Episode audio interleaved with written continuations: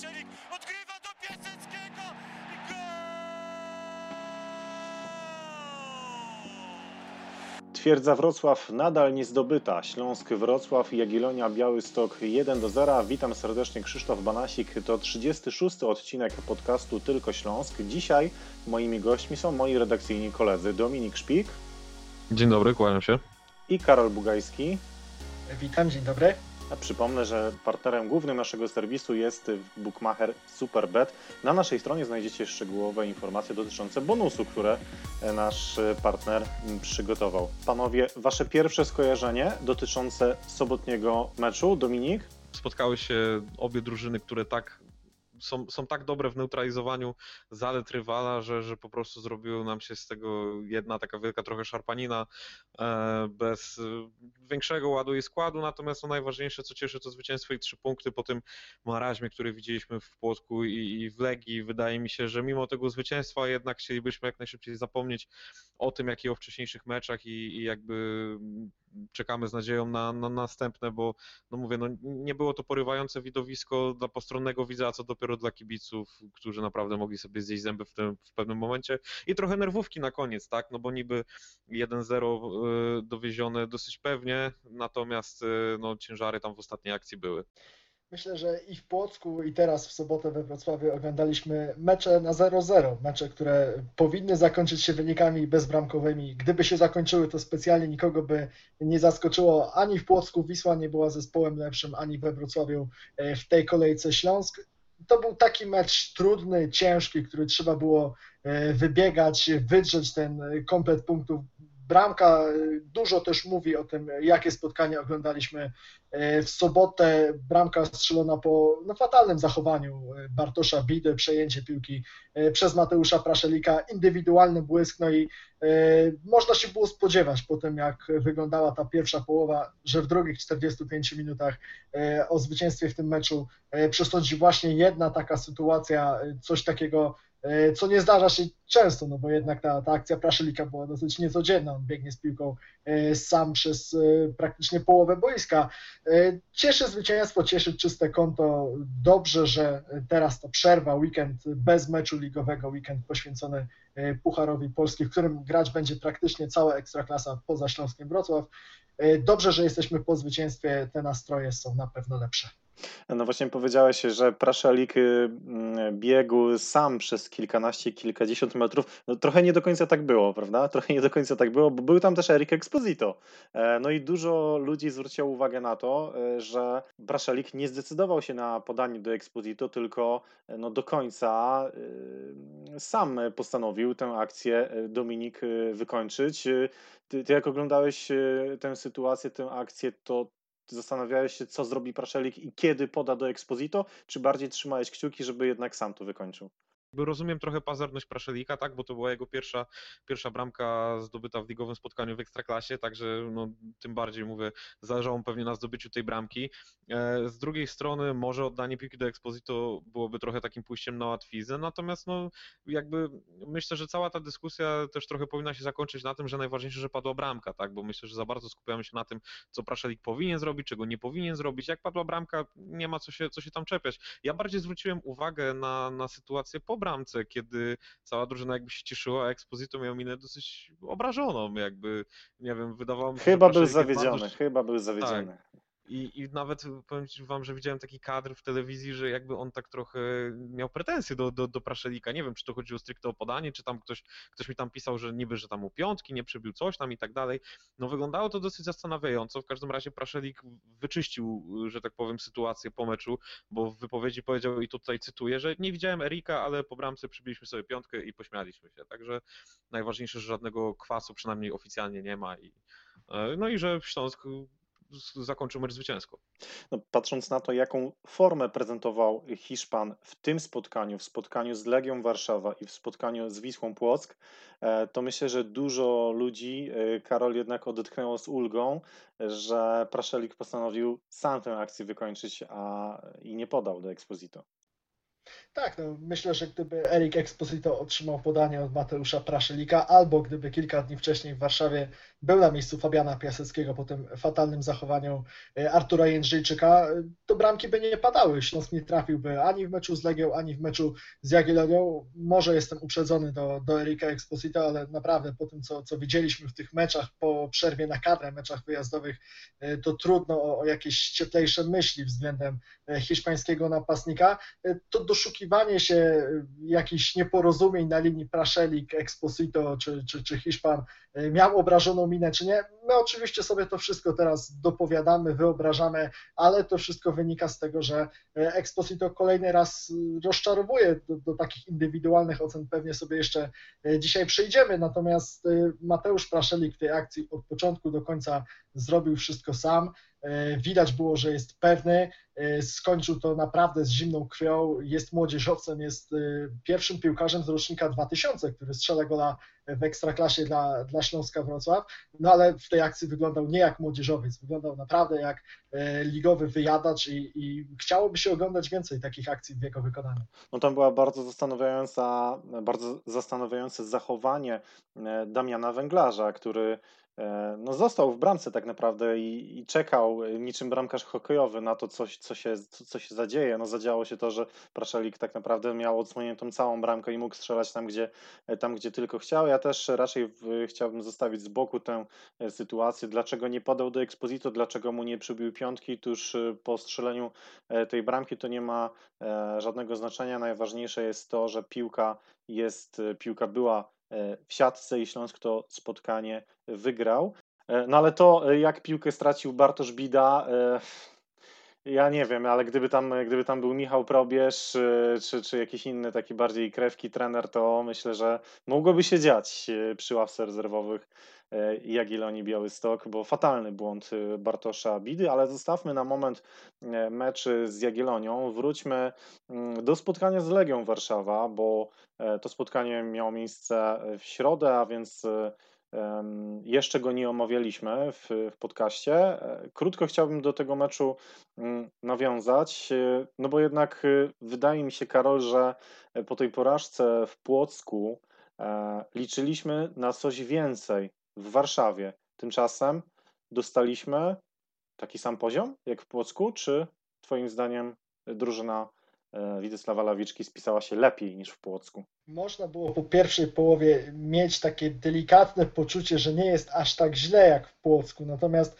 e, no, po wyjściu z szatni okazało się, że tym planem Śląska na mecz w Warszawie było e, nie stracić gola, osiągnięcie, którym było dotrwanie do, do przerwy z czystym kątem dla, dla piłkarzy Śląska okazało się czymś tak wielkim i czymś tak fajnym, że oni wyszli zupełnie zdekoncentrowani na, na drugą połowę, szybko stracili gola i e, no, ten mecz był już pod kontrolą Legii, wynik 2 do 1 e, oczywiście zupełnie zakłamuje rzeczywistość, bo Legia była zespołem zdecydowanie lepszym, y, powinna strzelić goli więcej.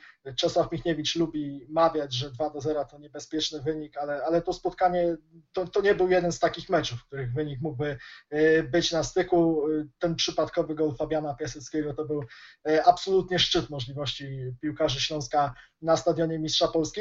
Ja przed tym spotkaniem rozmawiałem z dziennikarzem przeglądu sportowego, redaktorem Maciejem Kaliszukiem w naszym cyklu Rywal pod lupą eksperta. Pytałem go, czy piłkarze Legii mogą mieć przed meczem ze Śląskiem w głowie serię, serię meczów bez porażki u siebie z Wrocławianami, serię trwającą od 2011 roku. Redaktor Maciej Kaliszuk tylko się tak uśmiechnął, powiedział, że, że nie, no minęło już tyle czasu, ta drużyna tak bardzo się zmieniła, że, że to absolutnie może E, że, że to nie będzie w głowach piłkarzy Legii Warszawa. Natomiast ta seria była w głowach piłkarzy Śląska Wrocław. E, ta drużyna też się zmieniła od 2011 roku, ale ci konkretni piłkarze, ten konkretny trener 21 października 2020 roku pojechali na Łazienkowską ze świadomością, że jeśli od tak dawna w Warszawie nie udało się wygrać, to dlaczego miałoby się udać e, tym razem? Śląsk nie walczył w tym meczu, Śląsk zagrał naprawdę słabo, a, a z takim podejściem z takim nastawieniem przed meczem na stadionie Legii. E, czy są kibice, czy tam jest gorąca atmosfera, czy, czy atmosfera jest e,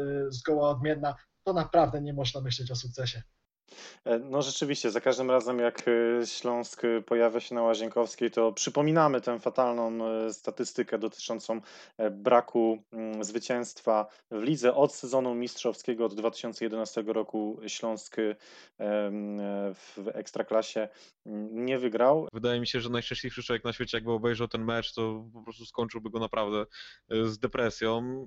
Wyglądało to mizernie, natomiast wyglądało to mizernie, tak mi się wydaje, od 15-20 minuty, jeżeli chodzi o, o Wrocławian, bo, bo początek był, tak jak Karol zresztą powiedział, obiecujący.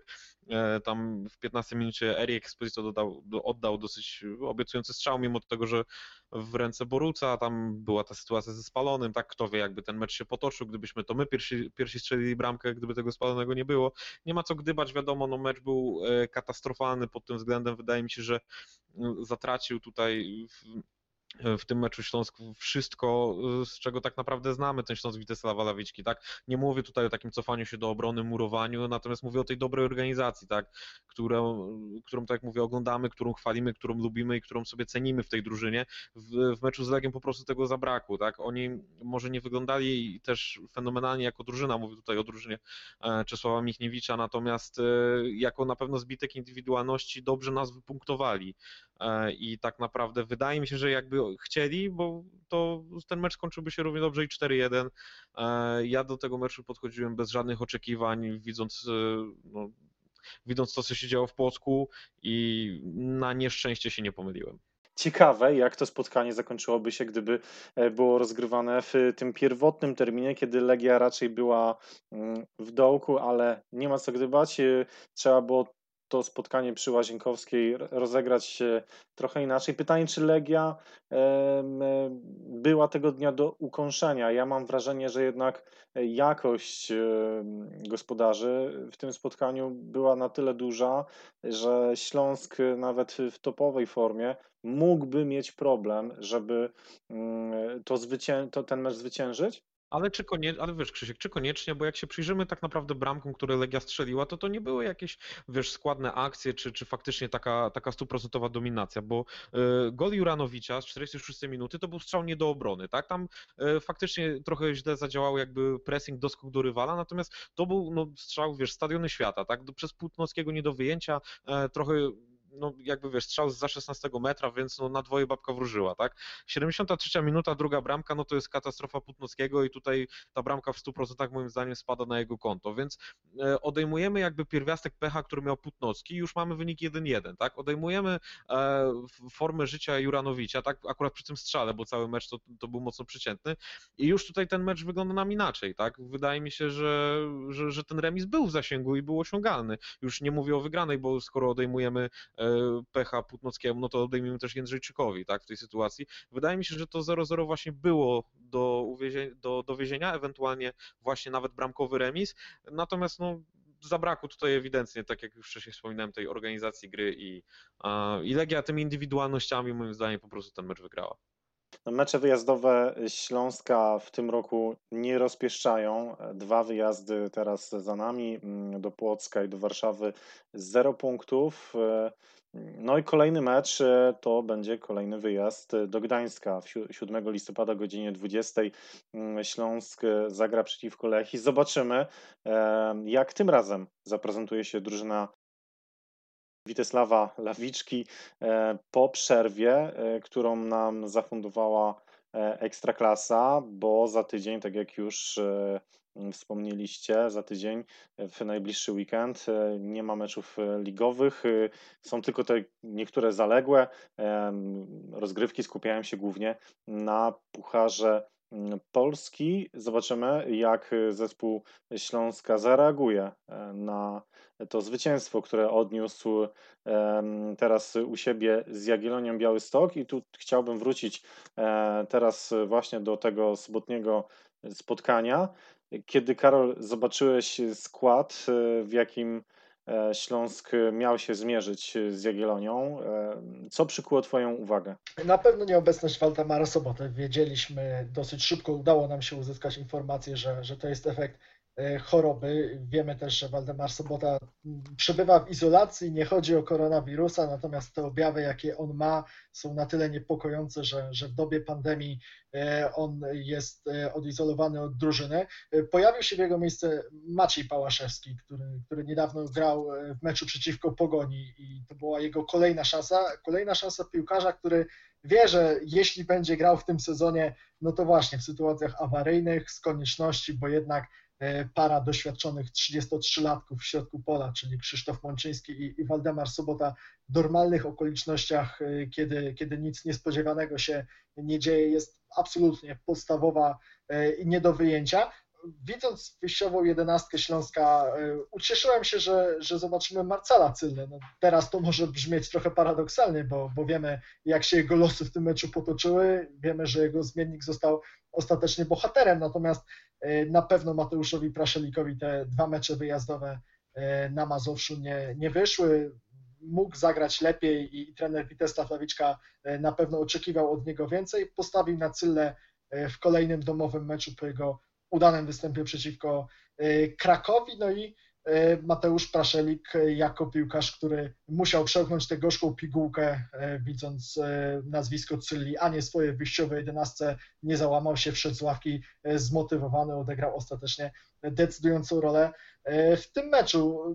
Na pewno trener Lawiczka trochę pozmieniał. Wiemy też o zmianie na, na środku defensywy. To trzecia z tych roszad, e, e, którą No właśnie, i tutaj py, pytanie do, do Dominika. Jak ty odnosisz się do e, tej zmiany na środku obrony? Bo Mark Tomasz, e, no, jeśli mielibyśmy tworzyć jakąś listę piłkarzy, którzy nas zawiedli w tych spotkaniach wyjazdowych w Płocku i w Warszawie, to myślę, że Mark Tomasz byłby gdzieś tam pod koniec tej listy. Tymczasem miejsce w składzie zabrał mu Izrael Puerto. I twoim zdaniem wykorzystał szansę? To znaczy, powiem wam szczerze, że ja mm, od tych ostatnich kilku miesięcy, od momentu, kiedy wznowiliśmy rozgrywki po lockdownie i od początku tego nowego sezonu, kiedy mieliśmy okazję w niektórych spotkaniach oglądać Israela Puerto, nie jestem do końca do niego przekonany. Wydaje mi się on bardzo elektrycznym zawodnikiem w swoich poczynaniach, więc wydaje mi się, szczególnie po tym też, co mówił trener Lawiczka, tak, który podkreślał, że niektóre zmiany były kwestią impulsu, e, który chciał on zaaplikować swoim zawodnikom. Myślę, że to była taka zmiana tylko i wyłącznie dla tego impulsu, tak, bo, bo myślę, że Tomasz nie dawał żadnych tutaj, e, żadnych argumentów do tego, żeby go zmieniać. E, natomiast dziwiło mnie jednak, że Piasecki nie dostał swojej szansy od pierwszej minuty, bo no, mówię, dwa fatalne mecze z rzędu w wykonaniu Exposito, no to do, trzech, co, do trzech razy sztuka, no, no niekoniecznie, tak? Szczególnie, że Piasecki bramkę na Legii, na Legii zdobył i wydaje mi się, tak jak też Karol mówił, że Exposito nawet nie znalazłby się w takiej sytuacji, tak? Bo, bo jest on, e, widać też po nim, że czasami trochę się snuje po boisku i nie zawsze jest tak aktywny w pressingu, a tutaj Piasecki jednak został wyżej y, lekko, bo lekko, ale jednak przypresował tych obrońców i, e, i z tego błędu skorzystał, więc y, no tak reasumując, dziwiła mnie bardzo wstawka Puerto i też Puerto nie porwał mnie w tym meczu. E, No, Puerto broni na pewno fakt, że Śląsk Wrocław e, po raz drugi w tym sezonie zachował, dopiero po raz drugi w tym sezonie zachował e, czyste konto i tak naprawdę mm, Jagiellonia oprócz e, sytuacji e, Imaza, e, który strzelił głową, Putnocki świetnie obronił i był jeszcze strzał Bartosza Bidy, no Jagiellonia nie stworzyła sobie za bardzo jakiejś e, dogodnej e, sytuacji, więc też e, tutaj to trzeba podkreślić, że ten blok defensywny Śląska wydaje mi się, że spisywał się dobrze z Izraelem Puerto w składzie. Natomiast Jako blok defensywny, tak, jak najbardziej i to nawet pokazuje wynik. Natomiast jak się przyjrzymy indywidualnością, to nie wiem, czy Puerto spisał się najlepiej z tego bloku defensywnego, bo wydaje mi się, że był może trzeci w kolejce.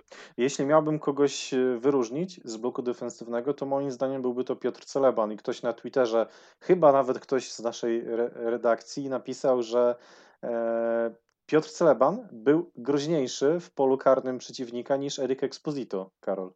To jest taki stary, dobry Piotr Celeban, który chętnie podłącza się do akcji ofensywnych, który na którego muszą uważać po prostu piłkarze, w tym przypadku Jagiellonii Białystok, bo nigdy nie wiadomo, kiedy on się podłączy i to nie dotyczy tylko stałych fragmentów gry. Piotr Celeban, poza tym, że dobrze wykonuje swoje zadania w defensywie, to potrafi być groźny pod bramką przeciwnika. Bardzo fajna była sytuacja z pierwszej połowy tego sobotniego meczu, kiedy Piotr Celeban starł się z Chrisem Twardkiem, Czechem urodzonym w Toronto, piłkarzem, dla którego sobotnie spotkanie było debiutem e, w wyjściowej 11 w Ekstraklasie.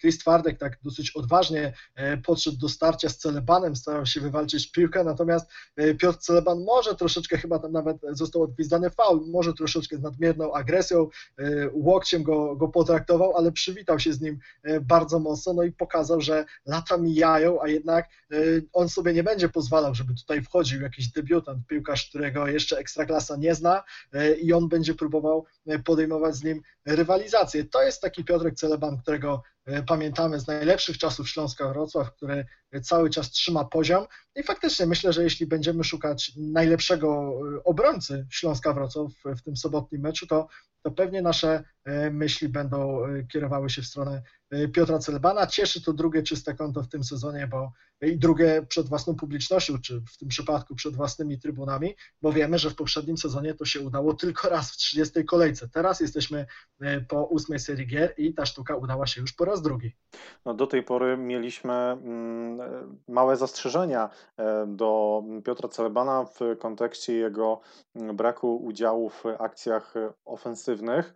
Mm, natomiast w tym meczu Śląsk Wrocław prawą stroną boiska przeprowadził 38 ataków, a lewą tylko 16, e, gdzie do tej pory e, no, Dino Stiglec brylował w włączaniu się w akcje ofensywne, te rajdy lewą stroną, dośrodkowania. Tego w tym meczu, e, no nie wiem, ja nie przypominam sobie żadnego rajdu Dino, Dino Stigleca, chyba że wy, wy, wy mi przypomnicie, ale, ale to pokazuje, jak duży deficyt Śląsk ma na lewej stronie, e, po której... To też pokazuje, że Dino Stiglec ogólnie nie prezentuje formy, z jakiego pamiętamy w ogóle w tym sezonie, bo moim zdaniem to jest takie takie pół Stigleca, które, które mieliśmy okazję do tej pory oglądać. I, a, a co do jeszcze Celebana, co, to co Karol powiedział, jakby wszystko to fajnie wygląda, on jest bardzo groźny w polu karnym, natomiast mi w przypadku Piotra Celebana brakuje jeszcze e, umiejętności dośrodkowania, bo, bo tego ewidentnie, ewidentnie Piotrek nie potrafi, natomiast no wiadomo, ma swoje inne e, atuty, które, które te, te, braki, e, te braki minimalizują, tak? Natomiast jeżeli chodzi o Stigleca,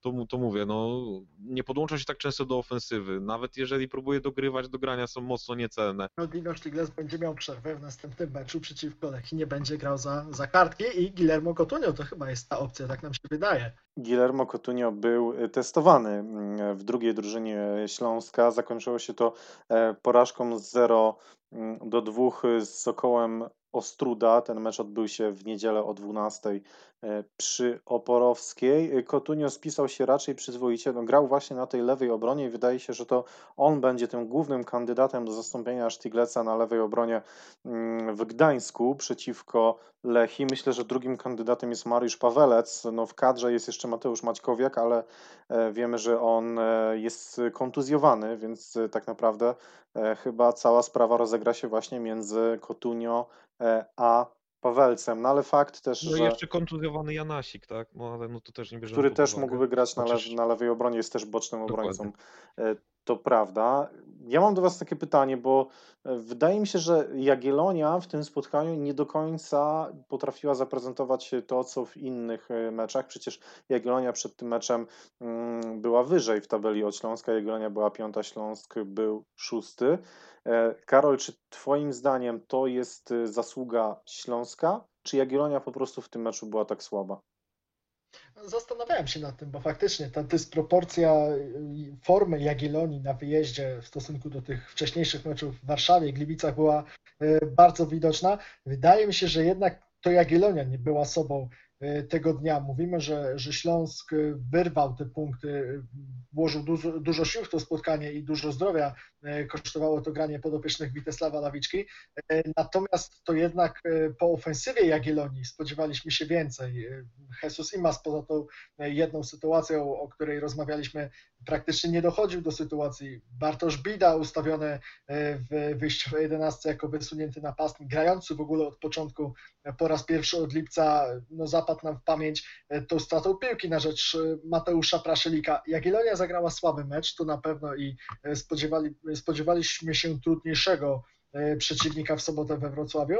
E, natomiast w tym wszystkim też oczywiście trzeba docenić to, co zrobił Śląsk, to, że Śląsk e, potrafi neutralizować te atuty ofensywne Jagiellonii. Wcześniejsze rezultaty drużyny trenera Bogdana Zająca raz, że były zaskakujące, bo jednak ja przynajmniej nie spodziewałem się, że Jagiellonia może ten sezon tak rozpocząć, ale Jagiellonia potrafiła też ukrywać swoje mankamenty, bardzo mocno przechylając to, to wahadło w stronę ofensywną i, i, i strzelając gole, wygrywając mecze pewnie, jak choćby w poprzedniej kolejce z Lechem Poznań, tym Lechem, którego tak chwalimy za to, jak, jak wygląda na arenie międzynarodowej, więc y, Jagiellonia miała słaby dzień, Śląsk miał niewiele lepszy, ale y, Jagiellonia miała popełniając tego fatalny błąd Bartosza Bide, a Śląsk naprawdę skutecznego Mateusza Praszelika.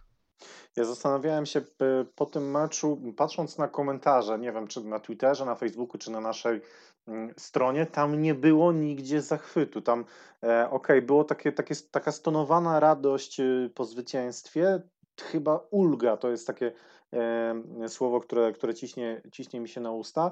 I zastanawiam się, czy my przypadkiem nie mamy zbyt dużych oczekiwań wobec Śląska, czy, czy w ogóle wobec e, zespołów w Ekstraklasie, że E, że Śląsk zawsze będzie, nie wiem, dominował rywala, że będzie grał pięknie, że będzie e, do tego zwyciężał. E, Śląsk, no, ostatni, ostatni Śląsk, który wyglądał pięknie, to był Śląsk Ryszarda Tarasiewicza.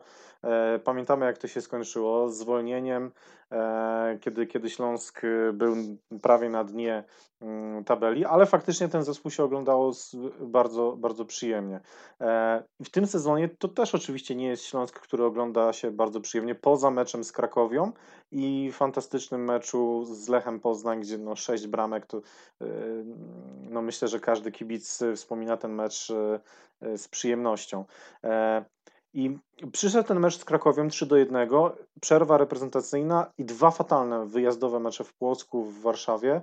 E, ale my chyba trochę zapomnieliśmy też o tym, że Śląsk bardzo słabo zaprezentował się już w Szczecinie i że to te, ten mecz z Krakowią chyba trochę za bardzo rozbudził w nas jakieś apetyty i nadzieje na to, że po tym jak wrócili poszczególni piłkarze do, e, do zespołu po, po kontuzjach, po przygodach z koronawirusem, czy my przypadkiem nie mamy zbyt dużych oczekiwań wobec drużyny Witesława Lawiczki? Dominik? Nie, nie mamy zbyt dużych oczekiwań, moim zdaniem, dlatego że.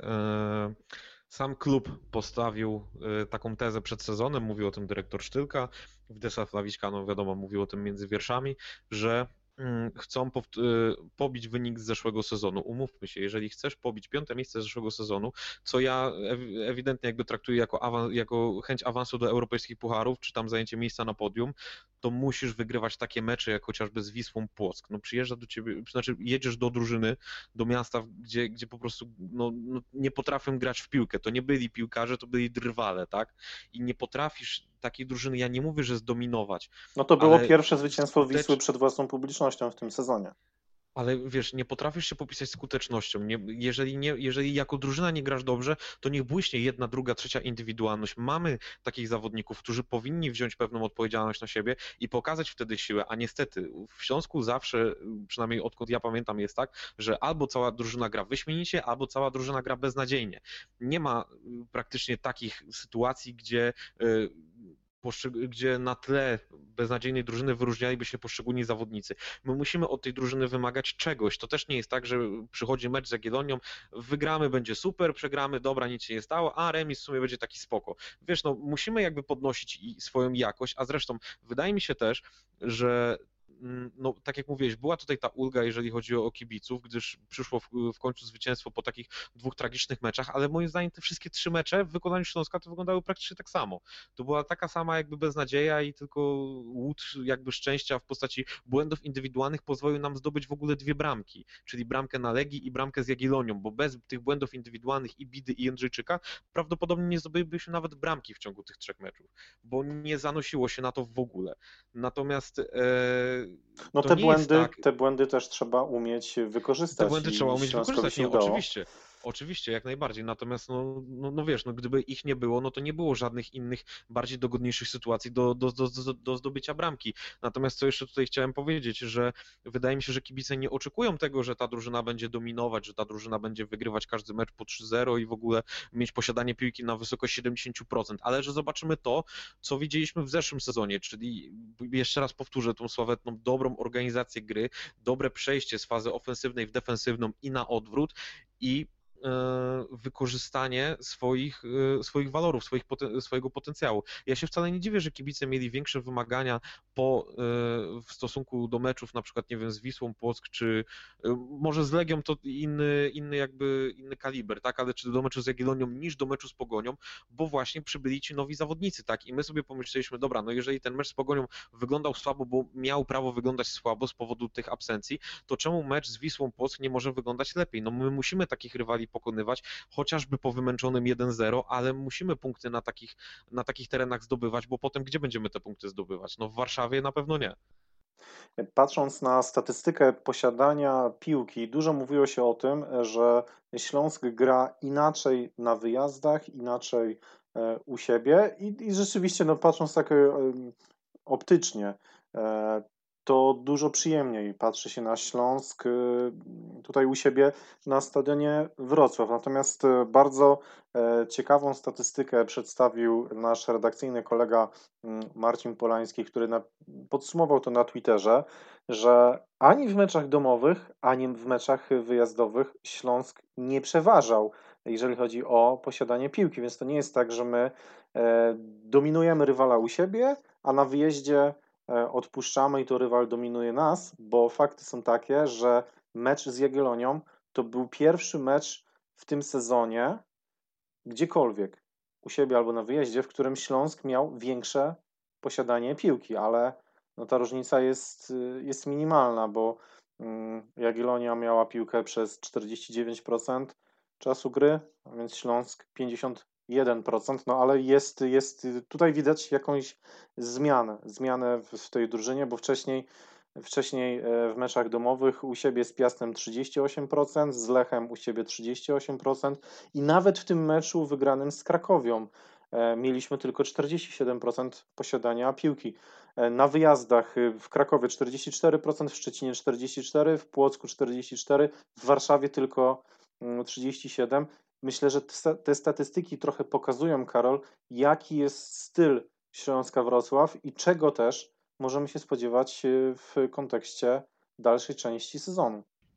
Tak, no Śląsk ma średnio najniższe posiadanie piłki w Ekstraklasie. Średnio to jest, to jest 34%. To, to naprawdę o czymś świadczy i to jest coś, co się e, powtarza w kolejnych spotkaniach. Przytaczałeś te liczby z dotychczasowych rozegranych meczów.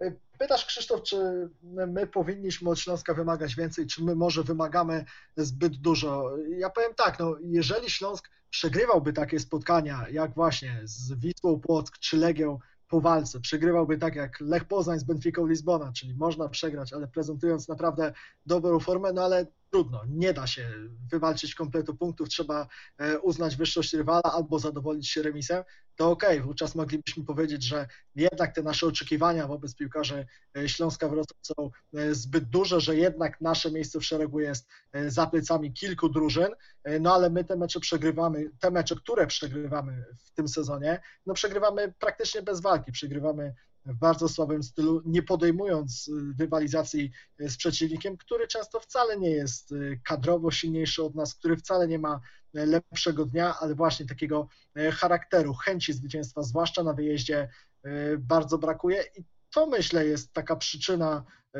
złości, frustracji kibiców Śląska Wrocław, bo, bo jeżeli my oglądamy Śląsk, który przyjeżdża do Płocka praktycznie z takim samym założeniem jak do Szczecina, czyli żeby nie przegrać meczu. W Szczecinie to, był, to było zupełnie inne spotkanie. Pamiętamy, jaka była wtedy w połowie września nasza sytuacja kadrowa. Śląsk pojechał naprawdę, no nie chcę powiedzieć, że w 14 do Szczecina, ale, ale ta kadra była bardzo słaba i, i najchętniej pewnie tamto spotkanie byśmy przełożyli.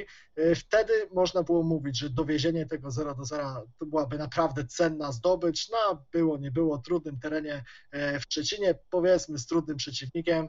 E, natomiast właśnie jeśli później to się powtarza w meczu e, z Wisłą Płock, miesiąc później, kiedy sytuacja kadrowa jest inna, kiedy nasze możliwości, żeby, żeby zagrać lepsze spotkanie e, są, są zdecydowanie większe, no to to jest takie, takie denerwujące, to jest naprawdę przykre. My zapomnieliśmy o meczu w Szczecinie, bo potraktowaliśmy to jako wypadek przy pracy. Wygraliśmy z Krakowią, zagraliśmy naprawdę efektownie, uznaliśmy dobrze, zapominamy o tym, e, co było na Pomorzu Zachodnim, natomiast to, e, to później okazało się, że jest jakiś większy, głębszy problem, e, taka jesienna handra kibiców Śląska Wrocław ponownie dopada. Drugi rok z rzędu, bo pamiętamy jak wyglądała ubiegłoroczna runda jesienna, dobre wejście, dobre punktowanie, przez długi czas byliśmy liderem i później też na przełomie września, października coś zaczęło się psuć. Zobaczymy jaki pomysł trener Lawiczka ma ma na kolejne spotkania tej jesieni, czy będzie wyciągał wnioski, bo z tym też, choćby w meczach wyjazdowych, ostatnio nie jest zbyt dobrze.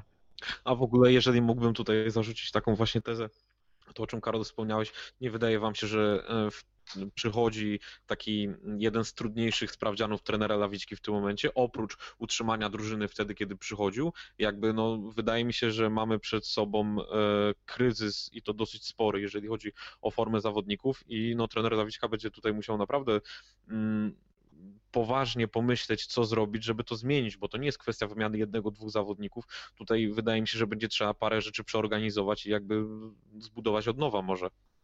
I, znaczy, powiem Ci tak, ja, ja generalnie się zastanawiam nad tym, czy przypadkiem e, teraz to nie jest prawdziwy sprawdzian dla e, trenera Lawiczki, co on potrafi zrobić z drużyną, która ma o wiele większy potencjał, o wiele większy potencjał niż w momencie, kiedy trener Lawiczka przyszedł do Śląska i dobrą organizacją gry, defensywnym stylem udało się Śląskowi wtedy tę ligę obronić i to, to, jest, wiel, to są wielkie słowa uznania dla E, dla tego szkoleniowca, ale pytanie, czy on potrafi z kreatywnych piłkarzy, których ma, bo e, ja nie wierzę, że taki Bartłomiej Pawłowski nie potrafi grać lepiej, e, że Erik Exposito nie potrafi strzelać bramek, bo już pokazał, że że potrafi. Mamy kreatywnych Praszelika i Cylle, czyli e, tych młodych e, zawodników. Mamy przecież Waldemara Sobotę, mamy doświadczonego Mączyńskiego, mamy Picha, który jest ciągle najlepszym strzelcem Śląska e, w tym sezonie. Naprawdę dyrektor Sztylka zmontował naprawdę solidną ekipę.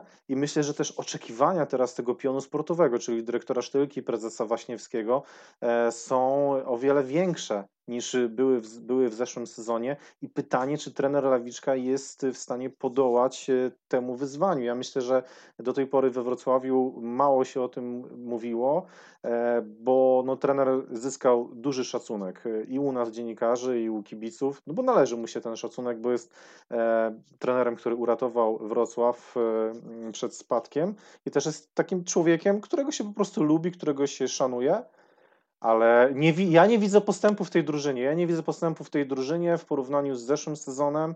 E, owszem, ten sezon jest zwariowany, bo jest e, naznaczony koronawirusem, e, również kontuz kontuzjami, ale jednak no, trudno mi podchodzić optymistycznie do pozostałej części sezonu. To jest moje zdanie, natomiast już powoli musimy kończyć, dlatego e, za chwilę dam Wam odpo odpowiedzieć jeszcze na, na, moje, na, na, na tą moją tezę, którą przed chwilą postawiłem. Czy trener Lawiczka jest w stanie podołać tym oczekiwaniom kibiców e, i wejść na e, poziom wyżej ze swoją drużyną, ale fakty są takie, e, na chwilę zatrzymując się przy Jagiellonii, przy tym meczu, że Śląsk po dwóch fatalnych meczach, kiedy na pewno ta, ten mental był na niskim poziomie, E, potrafił wygrać z drużyną, e, która w tabeli była wyżej, potrafił zachować czyste konto i potrafił stworzyć sobie jeszcze chyba dwie e, całkiem dobre mm, sytuacje do strzelenia bramki, a teraz możecie śmiało e, może Karol tym razem niech zacznie e, odpowiadać na moją tezę. To znaczy ten regres jest widoczny, regres albo brak progresu, może tak, w stosunku do e, ubiegłorocznej rundy E, jesiennej, ten najbliższy czas dla trenera Witesława Lawiczki e, będzie też o tyle wyzwaniem, no właśnie, że, że ten pandemiczny, zwariowany sezon e, stwarza też takie sytuacje, jak ta, o której chcę powiedzieć. Śląsk Wrocław ma przed sobą teraz weekend przerwy, później gra przeciwko Lechii Gdańsk, natomiast Lechia ma jutro zaległy mecz z Wisłą w Krakowie, mecz Ekstraklasy, później w weekend spotkanie Pucharu Polski z Olimpią Grudziądz i dopiero mecz ze Śląskiem Wrocław, więc Lechia będzie przy przeciwnikiem, który będzie w samym środku grania, który zobaczymy, czy będzie rozpędzony, e, bo, bo wyniki nam e, o tym powiedzą, natomiast który będzie e, no, w takim rytmie grania, w czymś takim, co, co będzie pozwalało mu utrzymać odpowiednią koncentrację i, i odpowiednio przygotować się do tego meczu ze Śląskiem Wrocław. Natomiast trener Witesław Lawiczka, jego wyzwanie będzie zdecydowanie większe. Kolejny mecz wyjazdowy po tych dwóch porażkach w Płocku i Warszawie teraz po słabym, wygranym, ok, ale, ale kolejnym bez fajerwerków meczu z Jagiellonią Białystok, jeżeli Śląsk w Gdańsku nie zagra zdecydowanie lepiej niż w Płocku i Warszawie e, w trakcie przerwy na kadrę, w trakcie kolejnego weekendu bezligowego grania. Ja nie chcę powiedzieć, że tu się rozpęta od razu jakieś piekło, natomiast e, naprawdę sporo takich krytycznych głosów i sporo pewnie pesymistycznych wniosków w kontekście przyszłości może, może być wyrażanych przez kibiców Śląska, dlatego ten mecz w Gdańsku będzie niezwykle ważny. Jedyny mecz dla Śląska w ciągu najbliższego miesiąca, w którym trzeba zaprezentować się dobrze, w którym trzeba pewnie trochę znowu y, pomieszać w składzie. Ja chciałbym zobaczyć Fabiana Piaseckiego i i liczyłbym, że rząd y, będzie miał to miejsce w składzie nie na zasadzie eksperymentu, y, nie jednorazowo, niech on nawet zagra y, słabiej, niech on spudłuje, niech się pomyli, ale niech też złapie to, to granie, niech też poczuje, jak to jest być pierwszym wyborem szkoleniowca, bo, Eric Exposito już kilka szans dostał i raczej ich w ostatnim czasie szczególnie nie wykorzystywał. Y, dlatego to spotkanie w Gdańsku będzie ważne i jeśli za, zastanawiamy się nad reakcją trenera Witesława Lawiczki, no to ten mecz z Lechią może nam dużo powiedzieć. Słuchajcie, jeśli chodzi o trenera Lawiczkę, ja jestem jakby wielkim orędownikiem i, i fanem hashtagu InLawiczka i, i kiedy tylko można, to, to, to, staram się go, go używać i jakby ja wierzę w trenera Dawidzkę cały czas, uważam, że jest to bardzo dobry szkoleniowiec, najlepszy, którego mieliśmy od bardzo dawna i e, po prostu myślę, że to jest sprawdzian. Ja nie wiem, czy on sobie poradzi, czy on sobie nie poradzi. Bardziej bym się skłaniał jednak, że, że, że powinien sobie poradzić, patrząc na jego doświadczenie i, e, i sukcesy, które, które też osiągał w poprzednich klubach. Natomiast ciężko tutaj jakby cokolwiek się odnieść, bo tak jak mówię, my tak naprawdę z trenera Lawiczkę teoretycznie znamy już prawie dwa lata, a tak naprawdę nie znamy go wcale, bo na konferencjach czy w wywiadach słyszymy bardzo często te same frazesy. Y, bardzo niewiele mm, jakby wynika z tego, co mówi tak naprawdę trener Dawiczka, bo też po części go rozumiem, bo nie chce się odsłaniać pewnie przed mediami czy przed przeciwnikami. To, to, to, jakby nie o to chodzi, tak? Wyniki go mają bronić w tym momencie. Y, natomiast no, wydaje mi się, że mała, może rewolucja to za duże słowo, tak, no ale trochę zmian by się tutaj, tak jak mówię, przydało. Przeorganizowanie może pewnych rzeczy, może jakaś zmiana mentalności wśród zawodników. Ciężko powiedzieć, co się tam dzieje w środku w szatni, natomiast no, no, no tak, no, mecz z Lechią wydaje mi się, że nie będzie kluczowy, natomiast na pewno mógłby dać trenerowi Lawiczkę w przypadku korzystnego wyniku trochę więcej spokoju, trochę więcej czasu, tak, trochę mniej też, trochę zeszłaby by z niego pewnie presja, natomiast wydaje wydaje mi się, że generalnie do końca roku, do końca tej, tej rundy jesiennej, no tutaj musi się pojawić jakieś światełko w tunelu i ta drużyna musi nam to dać, bo jeżeli nie, no to naprawdę mogą się tutaj pojawić, e, no czy stołek pod pod trenerem Lawiczką może stać się bardzo gorący i ja bym nie chciał jego zwolnienia. Wydaje mi się, że, że, że byłoby to o, o, wiele za szybko, bo wypracował sobie bardzo duży kredyt zaufania. Natomiast tak, to jest ten czas, w którym musimy i chcemy zobaczyć ten jego warsztat trenerski wykorzystany na 110%, tak? Jeżeli zawiedzie, no to ciężko mi tutaj szukać nadziei gdziekolwiek indziej. No tym chciałbym powiedzieć optymistycznym akcentem, e, ale patrzę na tabelę i tutaj e, się uśmiecham, bo Śląsk Wrocław e, po ośmiu kolejkach zajmuje czwarte miejsce. Mamy 13 punktów, no ale jest kilka zespołów pod Śląskiem, które mają mniej rozegranych e, spotkań, ale na pewno Śląsk utrzyma się w tej pierwszej e, ósemce, nawet gdyby te mecze teraz zostały mm, nadrobione, więc myślę, że ten plan minimum na razie e, jest e, osiągnięty przez zespół.